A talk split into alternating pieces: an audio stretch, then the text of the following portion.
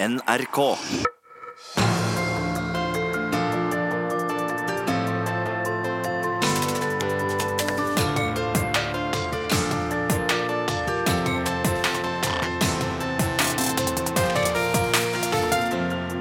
I disse dager har politiet nok en gang aksjonert mot demonstranter som protesterer mot kraftutbygging i Norge. Men nå er det ei storstila utbygging av klimavennlig vindkraft som naturvernerne raser mot.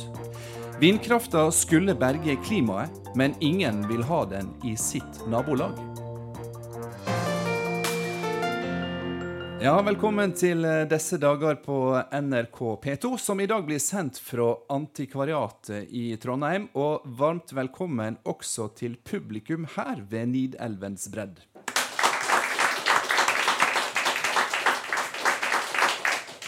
Knappe 100 km i luftlinje nordvest for Trondheim ligger Frøya.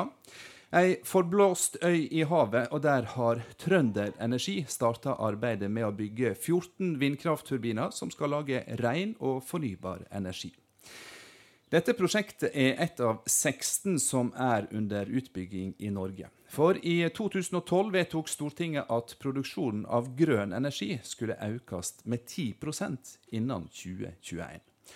Og i vår kom Norges vassdrags- og energidirektorat, NVE, med nasjonale rammer for vindkraftutbygging, og blinka ut 13 områder som er egnet for vindmøller. Men nå øker protestene i styrke, også mot prosjekt som er vedtatt for lenge siden, slik som vindmøllene på Frøya.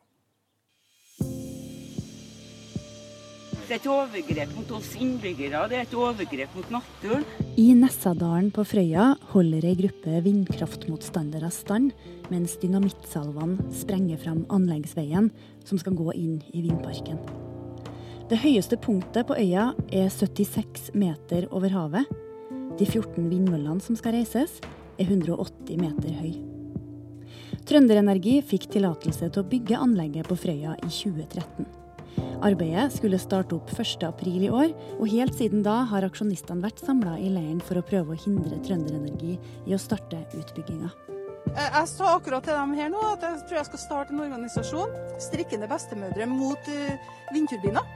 Arbeidet ble hindra ei stund, men 14. mai satt den første gravemaskina i gang. De river hjertene ut av oss, det blir galt. I ettermiddag satte Trønderenergi i gang arbeidet med utbygginga.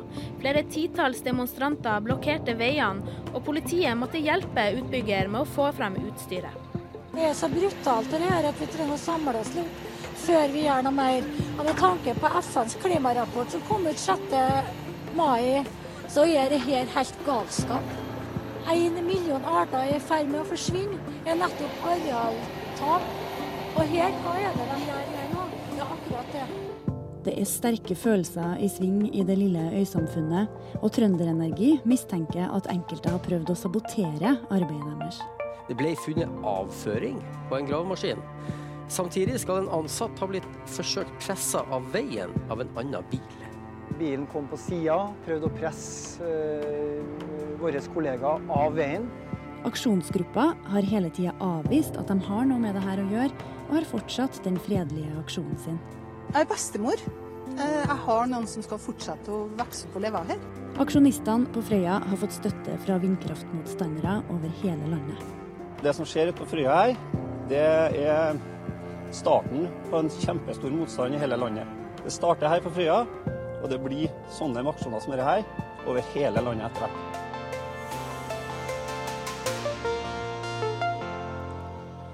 Og onsdag denne veka kom politiet til teltleiren i Nessadalen på Frøya og fjerna telta. Nå sier vi velkommen til Eskil Sandvik.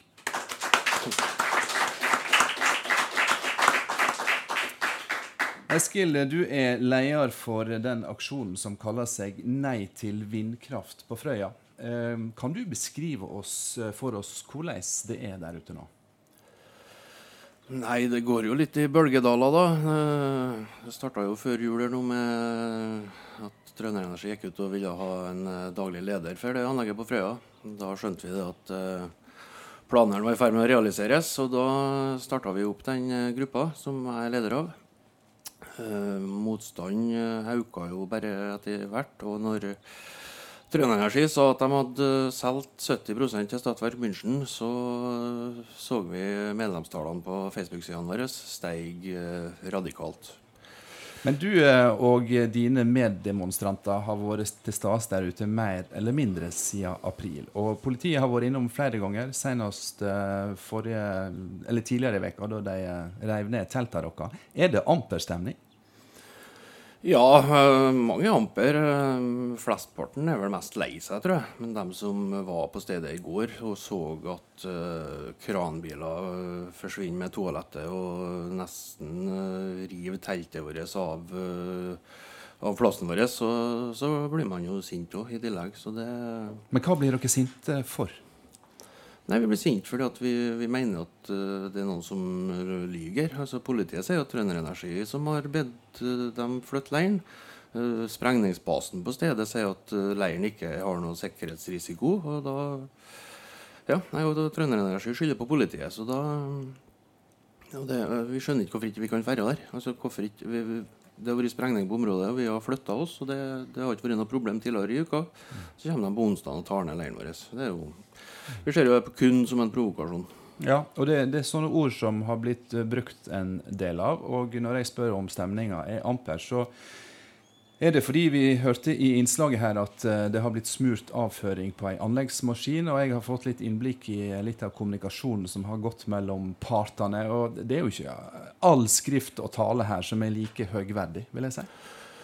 Nei, og vi syns det er veldig synd med den der avføringa. At uh, den dagen det ble, uh, den gravemaskina ble innsmurt i noen ting Er ikke det, er ikke det ganske vanskelig, egentlig? Hvis det har vært avføring, så har det vært veldig vanskelig. Men det var jo faktisk ikke avføring. Men det har jo ikke kommet fram i media. Altså det Politiet bekrefta dag én at det var avføring. Men du sa en, i et intervju at uh, du ikke kunne styre hva alle uh, demonstrantene gjorde, men at du forsto reaksjonen? Ja, det gjør jeg jo. Men altså, altså jeg, jeg man, man, må forstå at folk på Frøya er sinte og, og, lei seg for det som er i ferd med å skje nå. For fuglene våre og for naturen vår som vi er så glad i. Så altså, Jeg har jo forståelse Hvis det har vært menneskeavføring, så har jeg hatt forståelse for det òg. Ja. Men altså, det er viktig å få fram at det ikke var det. Vi skal ikke gå videre på akkurat hva det var på den anleggsmaskina. Eh, og du skal få komme tilbake senere og snakke mer om hvorfor du er så eh, imot den utbygginga. Men du er ikke alene, Eskil Sandvik, om det er noe trøst. Det er mange som både vil kjempe klimakampen og verne om urørt natur. og for mange så er dette en vanskelig spagat å stå i. Ordføreren i Sirdal sier til VG at han ikke vil ha stemt for det som skal bli Sør-Norges største vindmøllepark, selv om han stemte for planene i 2013. Og Ordføreren i Selje kommune, der det skal bygges vindmøller eh, ved Stad, sier han ville ha stemt annerledes i dag enn da han stemte for vindkraftutbygginga. Felles for Sirdal, Stad og Frøya er at konsesjonen er gitt, og at alt er klart for å reise vindmøllene. Snart får du eh, møte sjefen for et av landets mest kontroversielle vindkraftprosjekt, når eh, konsernsjefen i Trønder Energi kommer for å forklare hvorfor vindmøllene må reises, og hvorfor de må være 180 meter høye.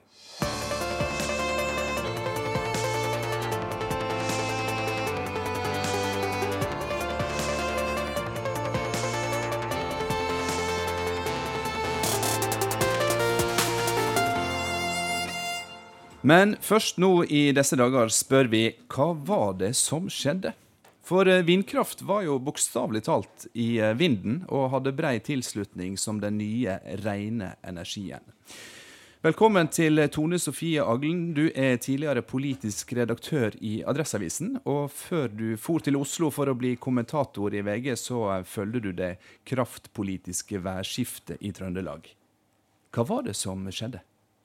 Ja, For Frøya sitt vedkommende så var det vel nettopp det at det som i veldig mange år har vært planer, faktisk se så ut til å bli realisert. Og det gjorde nok at eh, den eh, motstanden våkna. Men vi har nok også sett det i hele landet at det har vært et betydelig stemningsskifte i synet på vindkraft. Jeg har jo hørt veldig mange festtaler til politikerne om hvor bra vindkraft er, og det er det her vi skal leve av. Og det har nok skjedd ganske fort. Og jeg vet kanskje ikke om alle helt har fått med seg hvor fort det egentlig skjedde. Nei, men hva vinder å, Det er veldig lett å bruke masse metaforer nå knytta til vind og kraft. Men hva vinder er det som blåser over landet nå? Nei, jeg opplever nok at uh, den konflikten går inn i to uh, ganske sånn klassiske skillelinjer i norsk politikk. Det ene handler om den vekstvernproblematikken, og det andre handler om sentrum-periferi. Og det, og det, veldig spesielle med vindkraft er jo at den splitter jo miljøbevegelsen. Mm. Uh, for vindkraft har jo vært den delen av miljøbevegelsen som opptatt av klima. Har jo hatt vindkraft som sin, uh, sin nesten fanesak. Uh, noe som skal gi oss fornybar energi. Mens det tradisjonelle, klassiske naturvernet, som har vært mer opptatt av vidder og fugler og, og, og, og, naturen som sådan. Eh, de, har liksom, de, har liksom, hatt litt dårligere kår i mange år, og, de har jo alltid vært veldig skeptisk til eh, vindkraft. Og, nå ser vi på en måte at de har fått mer overtaket. Men så opplever jeg også at det er litt den derre eh, dem som sitter i byen, bestemmer over oss, og vi må på en måte ta og betale regninga her eh, ute i distriktene. Men fram til i vår så var det lite støy om dette. Og nå er det mye støy, ikke bare på Frøya, men det, det er folkemøter og aksjonsgrupper mange plasser i Norge. Um, hva, hva, er det som har gjort at dette kom så, så brått? Nei, jeg tror nok at uh, det at flere prosjektene har blitt uh, igangsatt, så tror jeg nok at det har en ganske sånn betydelig smitteeffekt, som vi nok også ser veldig godt i sosiale medier. For det som jeg også synes er ganske nytt å observere, er den veldig sånn harde tonen i debatten. Ganske sterke beskyldninger eh, på begge sider. Og jeg har jo fulgt trøndersk politikk i ganske mange år. Og synes det er veldig rart å se alle disse konspirasjonsteoriene og sånn eh, som går om både om forbindelser og motiv folk har, som for meg er ganske nytt. Så det har nok eh, vekt et betydelig sinne. Og jeg tror nok at uh, litt av grunnen til at uh, mange er så sinte, er på en måte at man opplever at Eller man reagerer først når det er for seint, og da opplever man at det ikke er noen vei tilbake. Mm. Ja, for la oss se litt på det demokratiske perspektivet her. Eh, kommuner sier altså ja til vindkraftutbygging. Eh, staten ved NVE godkjenner planene. Eh, og kraftselskap eh, går i gang. Og så ombestemmer politikerne seg eh, etter å ha fått aksjonister på døra. Og så prøver de å gjøre om på vedtakene, slik som politikerne på Frøya prøvde på, men måtte gi opp. Er det politikerne som vingler her, eller er det premissene som endrer seg underveis? Jeg mener nok at uh, på Frøya så er det nok først og fremst politikerne som uh, burde gå noen runder med seg sjøl. Eh, for de har jo i 17 år eh, vært eh, overveldende positive til de her planene. Og så er det først når de ser den store motstanden, at uh, veldig mange snur. Uh, motstanderne på Frøya har jo vært der hele tida, og, og, de har jo vært uh, tydelige. Det er jo det at de nå først får så mye oppmerksomhet, som er det nye, og at det på en måte har spredd seg. jeg opplever jo litt at situasjonen i dag er jo at det er jo egentlig tapere på begge sider. for det er lett å skjønne motstanderne sin fortvilelse, men samtidig så har jo også eh, kraftutbyggeren har jo bare gjort det man har fått eh, politisk vedtak om. Og ikke bare det, de har jo også hatt en stor, betydelig heiagjeng av politikere. Så når de plutselig liksom får beskjed om at de er uønska etter 17 år, så settes jo også dem i en fryktelig vanskelig situasjon. Mm. Er det grunn til å tro at uh, denne motstanden som vi nå ser på Frøya og andre steder blir ekstra synlig nå når det nærmer seg valg i kommuner og fylker? Ja, det er jo naturlig. og jo, Vi har jo også sett det før. Vi så jo litt det samme med de her såkalte monstermastene. Det var jo også noe som roa seg, men nettopp fordi det er så svær, mye planer. Mm. Og det når det liksom kom fram hvor mye uh, kommuner som faktisk kunne bli berørt, så tror jeg nok det gjorde at, at veldig mange fikk en uh, støkk i seg. Og vi hører jo nå at stadig flere partier melder seg på. Uh, mange uttrykker mer forståelse og støtte til motstanderne. Så jeg tror nok at det her vil være en av flere saker som vil eh, prege den valgkampen som vi står overfor nå. Mm. Hva tenker du at vi kan lære av tilfellet Frøya og i, i andre kommuner? Hva, hvordan kan vi unngå en sånn konflikt neste gang? Jeg tror det er utrolig viktig at politikerne setter seg grundig inn i alle sider av saken. For eh, man vet jo hva det vil si å få en, eh, en vindmøllepark på øya. Det kan jo ikke komme som noen overraskelse den dagen det bygges, sjøl om for så vidt størrelsene og sånn har endra seg. Ehm, det jeg i hvert fall har sett i ganske mange kommuner, er at man eh, ofte sånn store utbygginger, om det er vindkraft eller andre ting, eh, ofte bankes dem gjennom uten veldig mye debatt. Og, og, det å være kritisk til næringsutvikling er ofte litt sånn eh, Da blir du sett på som å være litt sånn negativ, kritisk til at det skal skje utvikling lokalt jeg, jeg, tror det er viktig at man går skikkelig gjennom de planene, at alle motstemmene får slippe det. Jeg tror ofte at man har blitt litt sånn latterliggjort. Det er ikke mange år siden man ble latterliggjort hvis man var opptatt av hubroen og havørna ute på mm. Frøya. Nå er alle opptatt av det. Eh, og at man tenker seg grundig om, for den situasjonen man er i nå, tror jeg er veldig skadelig for uh, alle parter. Du nevnte dette med um, vekstvernproblematikk by-land, men det her handler jo også om eh, behov for å lage energi som er sunnere for klimaet. Um, og de interessene står mot naturinteressene. Gir denne vanskelige komboen mer krutt i vindkraftkonflikten? Jeg tror i hvert fall det at man uh, flere stiller spørsmål ved om uh, hvor effektivt det er å bygge ut vindkraft. Det, det jo, nå kommer jo stadig sånn ny informasjon om at kanskje burde man heller bygge ut til havs. Andre mener at man heller bør ruste opp uh, eksisterende vannkraftanlegg. Det, det kommer ganske mange andre ting inn. Og det er litt sånn typisk at så lenge det liksom er langt fram, planene er liksom på skrivebordsformat, da er det liksom lett å applaudere det. Men når man er her og faktisk skal starte og gravemaskinet ruller ut, da ofte er det at motforestillingene kommer opp. Mm. Flott. Takk skal du ha så langt, Tone Sofie Aglen, kommentator i VG, med ei fortid som redaktør i Adresseavisen her i byen.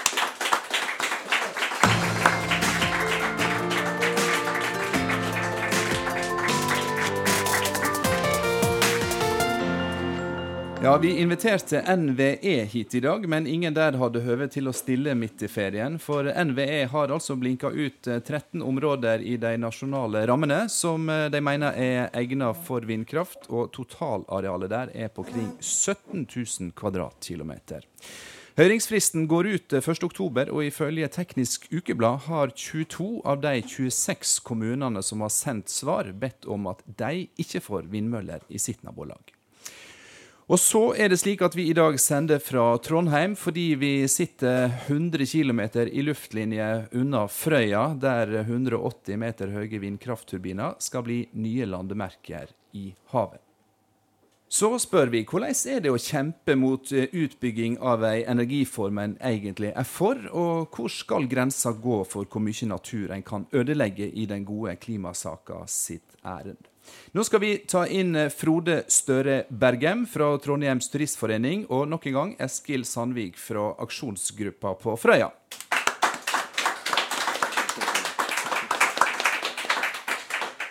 Jeg begynner med den sist ankomne. Jeg Frode Støre Bergem, Trondheims Turistforening, som er en del av eh, DNT. Og eh, det må jo for ordens skyld opplyses om at både jeg og dagens produsent er medlem av eh, DNT, men vi har eh, til nå iallfall ikke slått opp teltene våre i eh, teltleirer ved vindmølleparker. Så Frode, hvorfor er det slik at DNT engasjerer seg så tungt i kampen mot utbygging av klimavennlig energi? Jo, Turistforeninga er ikke motstander prinsipielt av vindkraft, men vi er en tilhenger og en forsvarer av norsk natur. For vi mener at eh, naturen er en viktig del av livsgrunnlaget. Det er selve livsnerven både til oss og til all, eh, alt liv.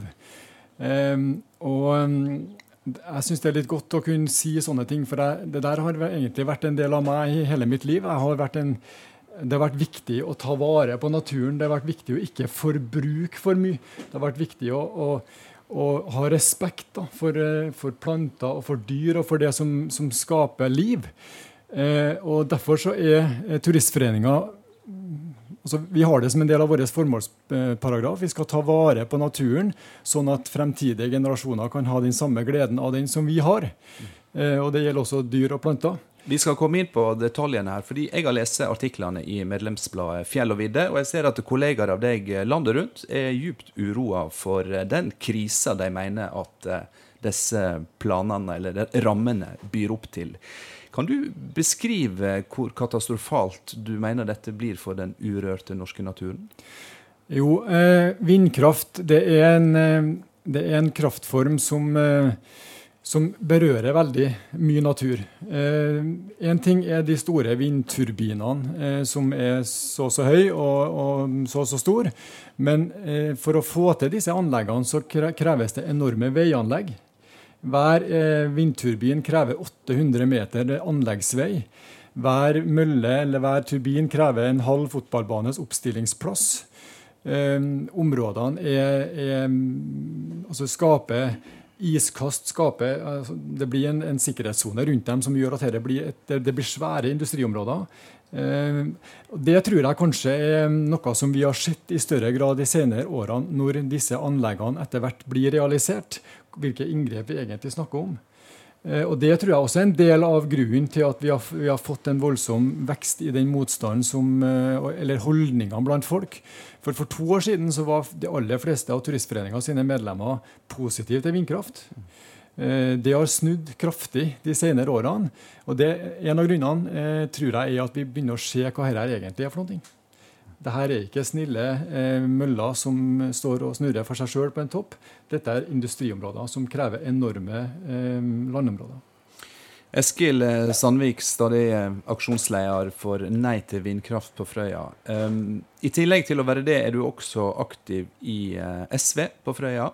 Og Det er jo et parti med en tydelig klimaprofil. og Da lurer jeg på, hvorfor bruker du all de ledige tid på å motarbeide et prosjekt som skal produsere en type kraft som ditt politiske parti har ivra for at det skal lages mer av?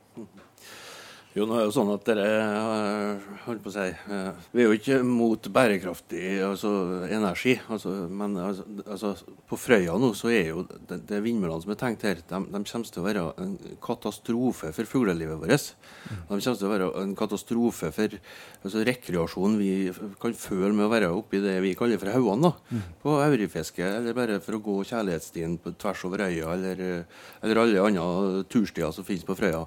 Så jeg eh, er jo ikke, er jo ikke imot all, alt. Men, Nei, men du er imot 14 uh, turbiner på Frøya. og Hvor mener dere at de skal stå, hvis ikke de skal stå på Frøya? Først og fremst så mener vi at, eh, at vi må oppgradere vannkrafta.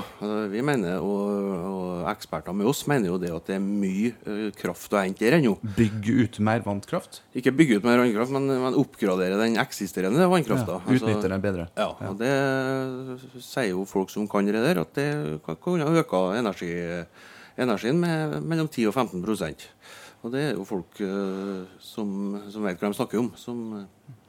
Det finnes noe som heter Sør-Trøndelag Forum for natur og friluftsliv. og Der har jeg lest at noen har skrevet at det burde finnes, finnes grenser for hvor mye natur man kan ødelegge, og fortsatt omtale det som grønn energi, grønne arbeidsplasser og grønn næringsutvikling. Er du enig i det, Eskil? Ja, veldig enig i det. Vi mener jo eh, at uh, vindkraft ikke er grønn energi pga. de, store ødeleggelsene de har på naturen og på fugle- og dyreliv. Men, men um, no, no, altså, en eller annen plass må en jo lage eh, energi. Og hvor skal da den grensa gå for hvor mye natur det er lov å ødelegge, og likevel kalle det grønt? Nei, altså Vi har jo ødelagt mye natur i Norge før med vannkrafta vår. Så kan, hvorfor kan ikke vi bare ta oss og oppgradere de vannkraftverkene? da? Altså Jeg skjønner at det har noe med, med skattefordeler og, og, og subsidier å gjøre. Og Hvis vindkrafta i dag har hatt de samme skattefordelene, nei, samme mangel på skattefordeler som vannkrafta har, så har det ikke vært noe av vindkrafta heller. Så det, det, det, må jo subsidieres uh, vannkrafta. Og så når vi er ferdig med det, så kan vi begynne å se på andre ting. Og det er sikkert noen år fram i tid, og kanskje har vi funnet på noe, noe nytt som er bedre, og som vi slipper at ødelegger så mye for folk og, og fugler. Frode Støre Berghjem fra Turistforeninga. Jeg har eh, senest i dag eh, lest skildringer i sosiale medier fra folk jeg kjenner som har oppsøkt vindmølleparker på Sortland der jeg forstår at motstanden ikke har vært så stor. Og der blir det beskrevet et fascinerende syn i tåka. Lite støy, bare litt sus. Og inngrep i naturen som påstås å ikke være verre enn det et hyttefelt ville medføre. Er det råd å tenke seg at dette kan bli bedre enn det dere frykter? Altså, Vårt hovedmål er å, å vekke mm, en, eh, en, noe som vi opplevde som en litt sånn hallelujastemning eh, tidlig i prosessen, eh, der alt var greit. Eh, så, så vårt hovedmål er å, å, å, vise folk eh, hva er det egentlig vi står overfor. Og, og vekke også en, en sunn skepsis til å ta i bruk naturområder. Eh, de fleste forstår og er antageligvis enig i at vi må, noe må vi gjøre. Noe, noe inngrep blir det Eh, av menneskene sin aktivitet. Men i Norge så har vi altså ikke gjort et ærlig forsøk på å spare energi. Vi sløser med energien i Norge sammenlignet med mange andre land. Eh, vi har ikke gjort et skikkelig forsøk som Eskil Sandvik var inne på, til å effektivisere og modernisere norske vannkraftanlegg. Det, det er mye å hente der. Det er mye å hente på solenergi. det er mye å hente på hvis alle hadde hatt varmepumpe, f.eks., så utgjør det ganske mange vindkraftanlegg. Så vårt budskap er vel egentlig vi må tenke mange ting. Vi kan ikke hoppe på én løsning som attpåtil er en dårlig løsning. Eh, I hvert fall dårligere enn veldig mange andre løsninger, tror vi. Eh, eh, I en sånn klima altså nå, nå, nå, kjører vi på, for nå dette kan redde verden. For det tror ikke vi at vi gjør. Vi tror at, at eh, ved å, å, bygge en massiv vindkraftutbygging nå, eh, så vil vi mm, sannsynligvis få billigere strøm. Og antageligvis enda mer forbruk. Så det vil ikke være mulig å løse klimakrisen på kort sikt. Men på lang sikt så kan vindkraft være en bitte liten del av det. Eh, vannkraft kan være en del av det. Solenergi kan være en del av det. Havvind kan være en del av det. Du sier at dere vil vekke folk. Betyr det at folk, inkludert politikere, har sovet i timen? Nei, men jeg tror vi har vært for jeg skulle til å si blåøyd og for uh, ivrig til å, å, å, hoppe på en løsning som så grei ut.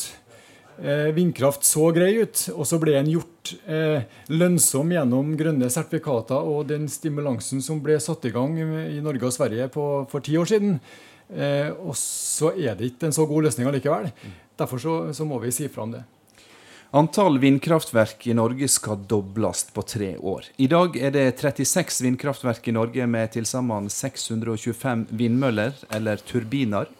16 nye kraftverk er under bygging, og det er gitt konsesjon for 39 andre kraftverk. Det er altså ei formidabel utbygging vi snakker om her. Og Sandvik, eh, da vil jeg spørre deg. Utbygginga på Frøya eh, har jo kommunen eh, godkjent. Eh, NVE og eh, Energidepartementet har gitt eh, tommel opp. og så er det altså utbyggeren Trønder Energi som, som, får kritikken, og som får en ganske skarp retorikk mot seg og en teltleir. Står ikke dere egentlig på feil adresse? Nei, vi syns jo ikke det. Altså, vi syns den måten uh, Trønderenergi også har, har opptrådt på Frøya, er, er klanderverdig. Nå, nå sier ikke vi det at politikerne på Frøya ikke har skyld i det som har skjedd, for det har de jo absolutt. Men vi mener at den måten Trønderenergi har opp, uh, oppført seg på Frøya, den er med på å, å skape den den retorikken, som du sier. Ja, Men dette er jo en politikk som er vedtatt av et storting der også ditt parti er representert. Eh, og, og, målet er altså å skape mer eh, miljø- og klimavennlig energi. Jo, men nå har jo mitt parti sagt det de senere årene her nå at uh, kanskje ikke vindkraft er det reneste energien, når du tenker på alle ødeleggelsene av norsk natur som den har. Og de mener at vi, vi, burde være mye strengere på eh, områder som skal bygges ut med vindkraft. Siden dette dreier seg om eh, klimavennlig og, eh, og en kraft som vi både trenger og som blir ønska velkommen, er det en vanskelig spagat å stå i mellom klimaomsyn og verneinteresser? Ja, det er kanskje det. For, for det er veldig mange som er redd for klimaet, med rette. Eh, men for min del så er det egentlig ganske lett. For at vi kan altså ikke redde klimaet ved å ødelegge naturen. For klima og natur henger så tett sammen at vi må finne andre måter. å gjøre det på. Enn å, enn å gå tungt inn i noe som ødelegger så mye som det her. Så for DNT, hvis jeg oppfatter det riktig, så handler ikke det om at vindmøller ikke eh, er så fint å se på, eh, eller at de lager lyd, men det handler om eh, det du beskriver som industriområdene som naturen blir gjort om til, eh, med kilometer med grusvei og store planerte områder med disse mastene på. Ja, jeg tror ikke at det handler om, eh, om at ikke vi ikke vil ha det i vår egen bakgård. Eh, det sier medlemsundersøkelsen vi hadde, så folk tåler å se det i nærheten av der de bor. Eh, men de ønsker det ikke og er sterkt imot det i områder der, der det, det vindkraft ødelegger for natur og dyreliv. Takk skal du ha, Frode Støre Bergrem fra Trondheims turistforening. Og takk også til deg, Eskil Sandvik fra Nei til vindkraft på Frøya. Om eh, motstanden mot vindmøller i urørt natur er av nyere dato, så er motstand mot kraftutbygging eh, noe vi har lang erfaring med her til lands. Nå skal vi her i disse dager ta et historisk tilbakeblikk på kampen mot kraftutbygging i norsk natur. Dette er NRK P2. La elva leve var refrenget for naturverninteressene på 70-, 80- og 90-tallet, enten det var gigantutbygginga av Alta-Kautokeino-vassdraget det gjaldt, Madøla i Romsdalen, eller eh, det mer lokale i min oppvekst, Gaula-vassdraget i Sunnfjord. Nå sier jeg velkommen til disse dager til deg, Knut Markhus. Du er direktør ved Kraftmuseet i Tyssedal som eh, bl.a. dokumenterer og formidler historier eh, til elver og vann- og vannkraftproduksjon i Norge. Nå eh, står det altså en kamp om den urørte norske naturen flere steder i landet, og eh, mange engasjerer seg i debatten. Men dette har ikke alltid vært ei sjølfølge her til lands. Nei. Eh, I det store bildet og i de lange tidsperspektivet så er det jo en relativt ny ting eh, vi har for oss her. Altså Går vi tilbake til, eh, la oss si, til tidlig 1800-tall, mm. så var ikke den urørte naturen mye verdt. Den var ikke interessant i det hele tatt. Da finner en mange skriftlige kjelder på. F.eks. så hadde vi besøk av en biskop til Hardanger på 1820-tallet. og han noterte at her var det ikke noe av naturskjønnhet. Det var rått og udyrka landskap, og, og, sånt finner en mye av. Så det var rett og slett eh, ikke eh, nyttig, og det var ikke interessant, det som var utmark og eh, vill natur. Mens det er nettopp det en i dag vil kjempe med nebb og klør for å ta vare på? Det er nettopp det. Um, altså, en får jo da romantikken inn som en eh, bevegelse uh, i, uh, i, sjel og sinn etter hvert, som, som, forandrer egentlig alt, og som òg fører turister til Norge, og som gir den, ikke minst den dramatiske naturen vår, her en ny og stor verdi. og det blir en attraksjon, og det blir, det blir penger i det. Så ja, nettopp det, så, så det. Det skjer et veldig, ja, det skjer et veldig nyttig skifte. Nettopp dette poenget du sier at det fører til uh, turisme og reiseliv og penger. Da lurer jeg på, er det slik at uh, de argumenter, de motargumentene mot utbygging av norsk vindkraft nå, uh, har de større tyngde når de kommer fra reiselivsnæringa? Ja, det tror jeg. For disse andre argumentene som som ja, handler om eh, naturen sin egenverdi på, på et vis, og at det er, det er, noe vi skal ta vare på. Og du har eh, eh dyrearter, fuglearter, eh, lav og forskjellig som en mm. Eh, skal eh, ta vare på. Den slags. det blir ofte litt smått sammenligna med interessene på den andre sida, som dreier seg om økonomi og, og, og arbeidsplasser. og og, og utvikling sånn. Eh, men da har du nettopp reiselivet, eh, turismen, som, eh, der en har ett kort på, på hånda, da, eh, som en kan sette eh, både arbeidsplasser og, og kronesummer på. Da. Så, så, den er nyttig. Den norske turistforening, DNT, er en av de kraftigste motstemmene i dagens eh, vindmølledebatt. Eh, og DNT har en lang eh, historie for å engasjere seg i norsk vassdragsvern, som vi nå skal snakke om. Men det finnes mørke kapittel også i deres historie. Ja, det gjør det. De starta jo opp i 1868-foreninger, eh, og, og, og, var kjapt engasjert eh, her i Hardanger da, som um, hadde mye turisme på det tidspunktet. Og, og rett opp der som vi har museet vårt i Tyssedal, ligger Skjeggedal med med flotte fosser på det tidspunktet. Det var en stor turistattraksjon. Og eh, DNT engasjerte seg i å lage en ridevei opp til disse fossene og gjorde en deal. Eh, det ble eh laga et såkalt servitutt som garanterte for at disse fossene aldri skulle bli tatt til industrielle formål. De skulle vernes. Dette ble en tinglyst avtale på i, i 1898. Men eh, ikke så lenge etterpå, litt utpå 1900-tallet, så snur Turistforeningen. Eh, og eh, av ulike grunner. Og det ender med at dette her servituttet blir eh, sletta. Og eh, Turistforeningen får en god sum med penger fra kraftselskapet. Og det ender med at fossene da blir eh, lagt i røyr, og, eh, og DNT har da eh, skamma seg litt over dette her i ettertid. Ja, og derfor blir det omtalt som det mørkeste kapittel i, i DNT, DNTs historie.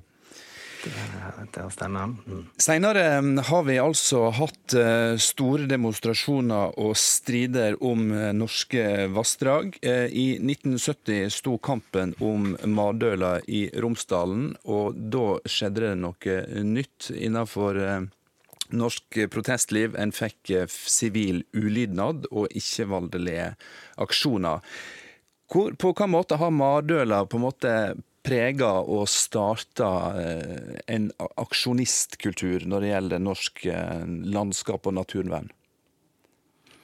Jo, eh, dette har jo blitt benytta mye seinere. Det var en stor og, og, og, viktig ting som skjedde der, med at de, de tok i bruk denne her, metoden med sivil ulydighet.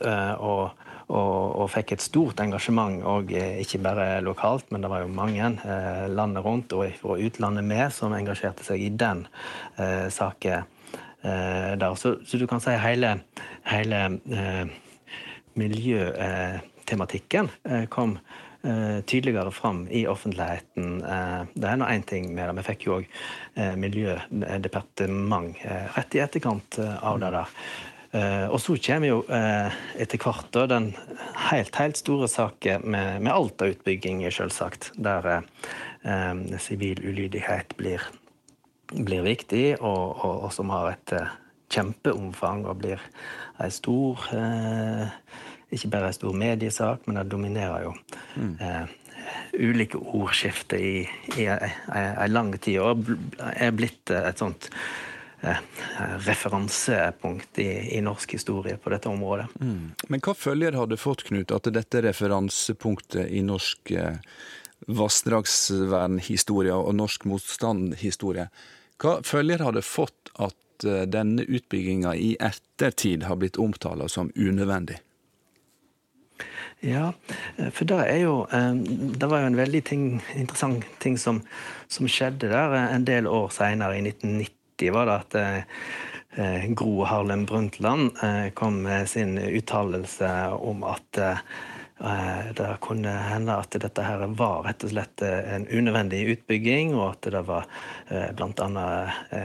feil prognoser da, som, som la grunnlaget for, for, beslutningen. Og det er jo en, en, en heftig uttalelse, egentlig, for ei som er på helt på maktens eh, topp. Hun var på vei tilbake igjen i, i statsministerstolen på det tidspunktet.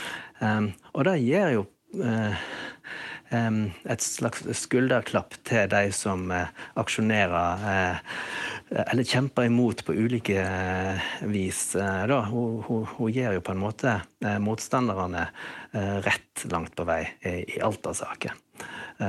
Så det er veldig interessant. Jeg så Erna Solberg jeg eh, har ikke gjort det samme, men eh, ikke for lenge siden her så, så, så sier hun da at uh, dagens regjering har omgjort uh, en hel del ja til vindkraft på land til nei pga. motstand og, og, hensynet til natur og miljø. Og sånne ting um, må jo virke da, oppglødende for de som, som kjemper imot. Mm. Knut Markus, tusen takk for at du var med oss i denne sendinga, direktør ved Kraftmuseet i Tyssedal. Dette er NRK P2. Hvorfor må vindmøllene være nesten 200 meter høye? Hvorfor lager ei vindmølle ute i havet mer strøm enn ei på land, og hvorfor bygger vi ikke heller vindmøllene nettopp til havs? Dette og mer til skal vi nå spørre konsernsjef Ståle Gjersvold i Trøndersen Energi om.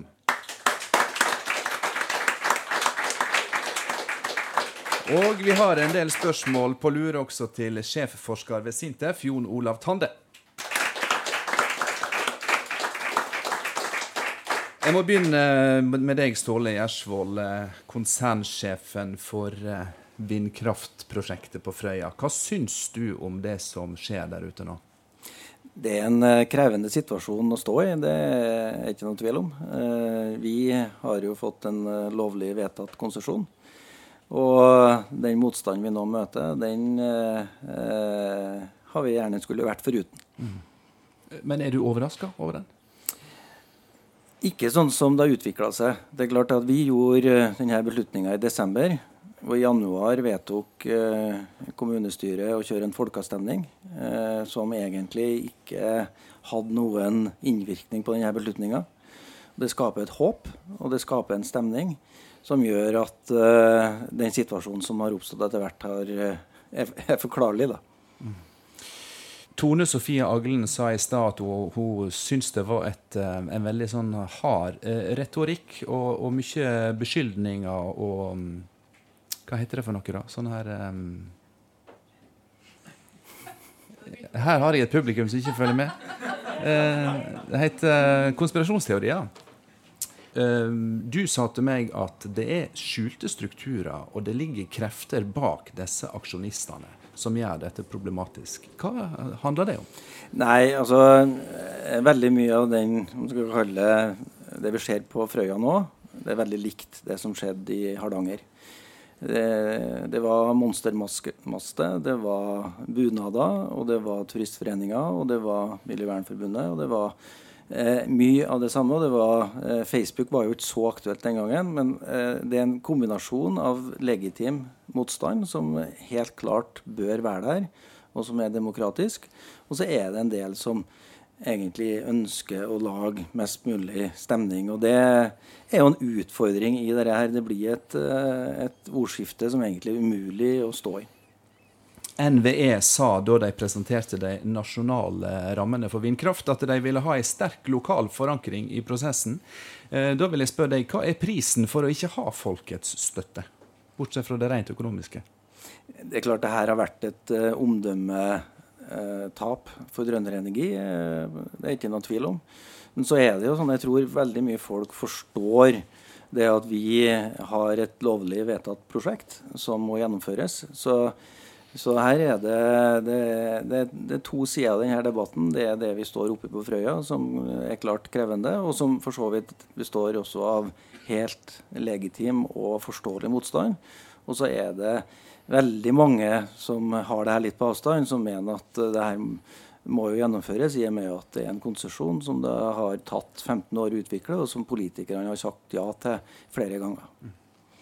Jon Olav Tande fra Sintef. Da Ståle Gjersvold hørte hvem som skulle være med i denne sendinga, så var han uroa for at det var for få eh, ja til eh, vindkraftfolk. Så sier jeg jo, men eh, Sintef skal være med.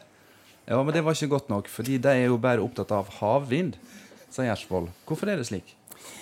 Det må jo Ståle svare på, hvorfor han sier det sånn. Sintef vi driver med forskning, og vi Eh, vi mener jo egentlig ikke så mye for eller imot. Vi prøver oss å forholde oss til fakta, og så gjør vi en analyse basert på det. Og når det gjelder vindkraft, så er det et, eh, en klimavennlig energiteknologi. Eh, den har konsekvenser som all annen energiteknologi.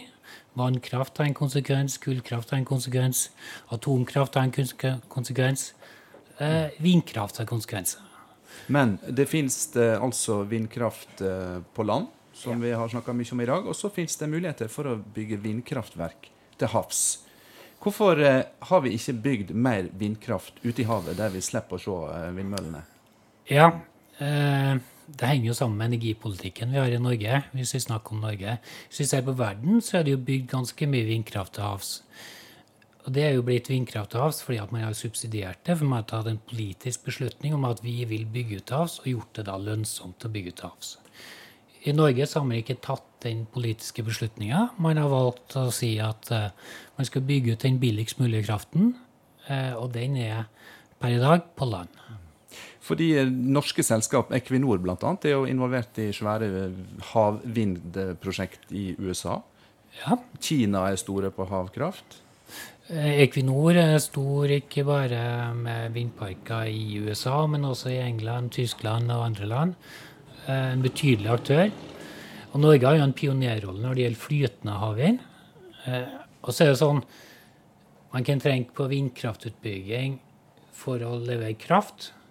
Hvis vi tenker på havvind, så dreier det seg altså om å bygge opp en norsk leverandørindustri som kan levere teknologi til et internasjonalt marked. Mm. Og den industrien er det mange som har lyst til å, å bygge opp. Men da er det altså slik at eh, vi kan lage hav, vindkraft til havs hvis vi vil, og hvis vi tar oss råd til det? Ja, det må et politisk vedtak til som gjør det lønnsomt for utbyggere. Ståle Gjersvold, kan det være at det blir så mye støy og rabalder om vindkraft på land at eh, norsk eh, energipolitikk blir, eh, blir, snudd for å få dette ut av synsfelt og ut av konfliktområder? Men jeg tror den debatten som er nå, er veldig positiv. Den som foregår blant politikerne. Hvor mye mer vind skal vi bygge til Norge? Det syns jeg er en helt fair debatt. Og det er godt mulig det at Eh, vi bør begrense det og, og også stoppe opp delvis etter 2021. Men det som bygges ut nå, det er en del av et politisk vedtak fra 2012 hvor vi skulle få 10% mer energi. Og Det var for å fylle de internasjonale klimaforpliktelsene. Det var et samla, enstemmig storting som vedtok det. Og for Trøndelag spesielt så var det i tillegg forsyningssituasjonen. Ja, for her har jo til og med brukt eh, gasskraftverk for å bøte på strømmangelen. Ja, Fram til 2018 så sto det gasskraftverk både på Nyhamna og på Kjærbergodden. Og de har vært der eh, for sikkerhet i tilfelle vi får en energikrise her. Og den situasjonen har vi i Trøndelag hatt i flere tiår. Jon Olav Tande, hvorfor er det slik at en eh, vindkraftturbin ute i havet lager nesten dobbelt så mye strøm som en turbin på land? Ja, Det er jo ikke noe sånn absolutt regel, det, da, men det er jo sånn at eh, stort sett så blåser det bedre til havs enn på land. Og derfor så produserer vindparker til havs mer enn på land. Nå er det veldig gode vindforhold i Norge, så i Norge så er ikke forskjellen nødvendigvis så stor. Men er vindkraft på land, eh, slik som det da er åpna opp for i stor skala, er det framtida for kraftproduksjon i Norge, eller er det bare et mellomsteg til til en mener det er lønnsomt og fornuftig å bygge, bygge i havet? Ja, hva skal man si til det, da? Det er jo sånn at eh, de vindparkene man bygger i dag, de vil jo bli stående eh, ut konsesjonsperioden, som er det 25 år eller noe sånt. Eh, kanskje blir de stående lenger, hvis de er lønnsomme. Eh, og det er jo ren fornybar energi som vi selvfølgelig må dra nytte av så lenge vi kan når det først er bygd. Eh, og så kan det komme eh, nye, bedre alternativer. Jeg tror havvind er et alternativ for framtida. Ikke bare i Norge, men eh, globalt sett. Eh, at det vil være en viktig del av energimiksen framover. Mm. Ståle Gjersvold, eh, kan det være slik at du og Trønder Energi er med på ei utbygging nå som om x antall år det ikke er behov for lenger? Fordi dette havs det foregår? Nei, det eh, tror jeg ikke. Altså Den energien vi nå bygger ut, den passer perfekt inn i vannkraftsystemet. Og øh, den energien, den havvinden som blir bygget ut, den tror jeg både øh, er like aktuell for eksport som man bruker i, i Norge. Den øh, energien som skal komme fra vindmøllene på Frøya, skal den selges til utlandet, eller skal den brukes lokalt? Den skal brukes i Midt-Norge. Og det er det ingen tvil om? Det er det ingen tvil om. Og så må jeg spørre deg om eh, det som eh, kom som forslag fra motstanderne på Frøya, nemlig at dette kan vi løse ved å ruste opp dagens eh, vannkraftnett. Er det faktisk ei løsning? All kraftutbygging har miljøkonsekvenser. Og det å oppgradere eh, vannkrafta betyr at vi er nødt til å eh, tørrlegge flere elver eller bruke mer av magasiner. Når det er sagt, så er det klart det ligger et potensial der, og så er det en uenighet hvor stort det er. Eh, NV har gått ut og sagt at det er kanskje 5 eh, Forskere har sagt at det er betydelig større, oppi 20% Vi mener eh, som NV at potensialet er betydelig mindre enn det som uh, sies i debatten. Mm. Dette handler jo også om det såkalt uh, grønne skiftet, som, uh, som, det ikke lenger er tvil om er nødvendig. Jeg lurer på, Er det problematisk at dette grønne skiftet blir så upopulært pga. konfliktene knytta til naturødelegginga? Det grønne skiftet har kanskje i denne sammenhengen eh, blitt litt misbrukt også. Eh, fordi at det her handler om energipolitikk totalt sett. Det handler om har vi behov for energi. Og I Norge så har vi ca. 70% forbruk som eh, er fornybart innenlands, og vi har 30% som er fossilt. Det som er klimautfordringene fremover, det er å få det forbruket eh, fornybart. Dvs. Si at vi må elektrifisere mer. Da trenger vi mer kraft. Og det har vi som bransje vært for dårlige til å få fram. Eh, og jeg tror også politikere, når eh, ordskiftet er blitt såpass eh, kraftig som det er blitt, så blir debatten veldig svart-hvit og ikke faktabasert. Og det er litt synd for debatten. Takk skal dere ha, Ståle Gjersvold fra Trønder Energi, konsernsjef der, og sjefforsker ved Sintef, Jon Olav Tande.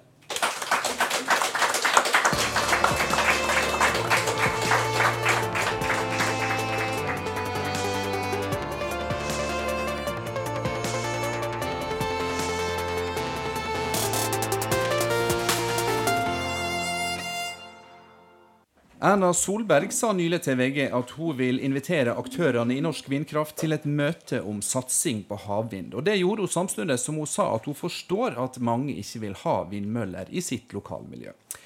Og Det er valg i høst, og spørsmålet er hva slags politisk kraft som ligger i dette opprøret mot vindmøllene. Da har jeg eh, henta deg opp igjen, Tone Sofie Haglen, eh, som altså er kommentator i eh, nettopp VG, avisa som Solberg uttalte seg til. Uh, og Tidligere i uh, veka så hadde det seks sider om økende vindkraftmotstand. Og um, Da ble det jo fra hovedstadspressa laga en tittel som lydde 'Bygde-Norge slåss mot vindmøller'.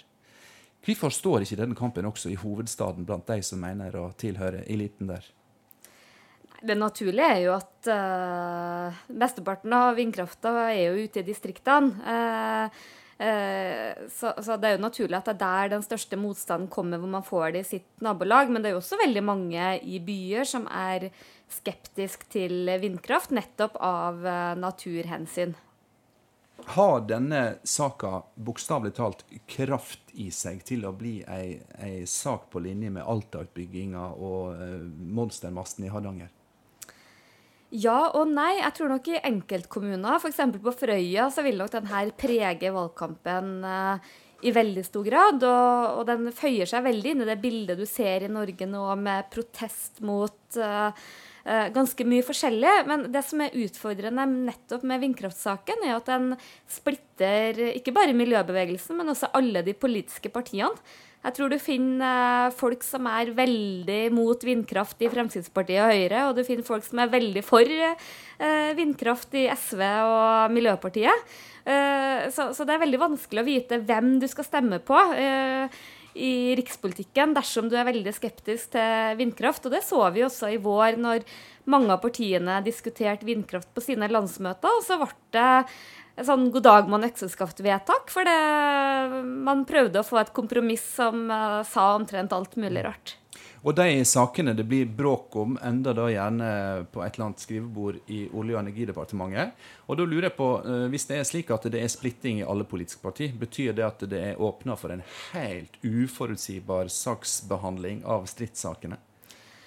Det er jo selvfølgelig avhengig av uh, reaksjonene lokalt. For det ser man jo også at da det har vært store protester f.eks. på Frøya, så er det jo andre kommuner hvor, man, hvor, det ikke har vært protester i det hele tatt, og hvor man lever veldig fint med vindmøller. F.eks. i min heimregion har man hatt vindmøller i mange år, og det ble jo nesten sett på som en turistattraksjon. Nå var det mindre dimensjoner også. Uh, jeg tror nok at vinden har nok blåst dit at det blir nok mye mer innvendinger, og det skal nok mer til for at uh, politikerne sier uh, ja igjen. Men, men, men, det er nok krevende for alle de politiske partiene. Men lokalt så tror jeg nok du vil finne partier som er veldig sterkt mot, og som nok vil tjene på det i høstens mm. valg. Gjersvold fra Trønder Energi sier at eh, kanskje det er på tide at politikerne faktisk går en, en runde til om utbyggingsgraden av vindkraft i Norge. Er det sjanse for at, eh, at det blir en endring i den, i den, delen av norsk energipolitikk? Ja, det tror jeg. For i mange år så har jo vindkraft vært uh, sett på som uh, nesten sånn halleluja-prosjekt som det har vært veldig lite kritikk mot, bortsett fra i enkelte kretser, og kanskje særlig naturvernkretser. Eh, det har snudd, og det tror jeg det er veldig gode grunner til. Så jeg tror nok at det vil bli en mye mer sånn helhetsvurdering av hvor det passer seg, eh, og, og, og om det finnes andre, mer framtidsretta energimuligheter. Så jeg tror nok alle prosjekter vil bli sett nærmere etter i sømmene, og det er det vel all grunn til at uh, man skal være glad for. I hvert fall hvis man ser til Frøya og hvor ulykksalig man kan havne utpå, uh, slik som man har sett der. Tone Sofie Aglen, tusen takk for at du eh, kom til disse dager og representerte både deg sjøl og avisa du jobber for nå, VG.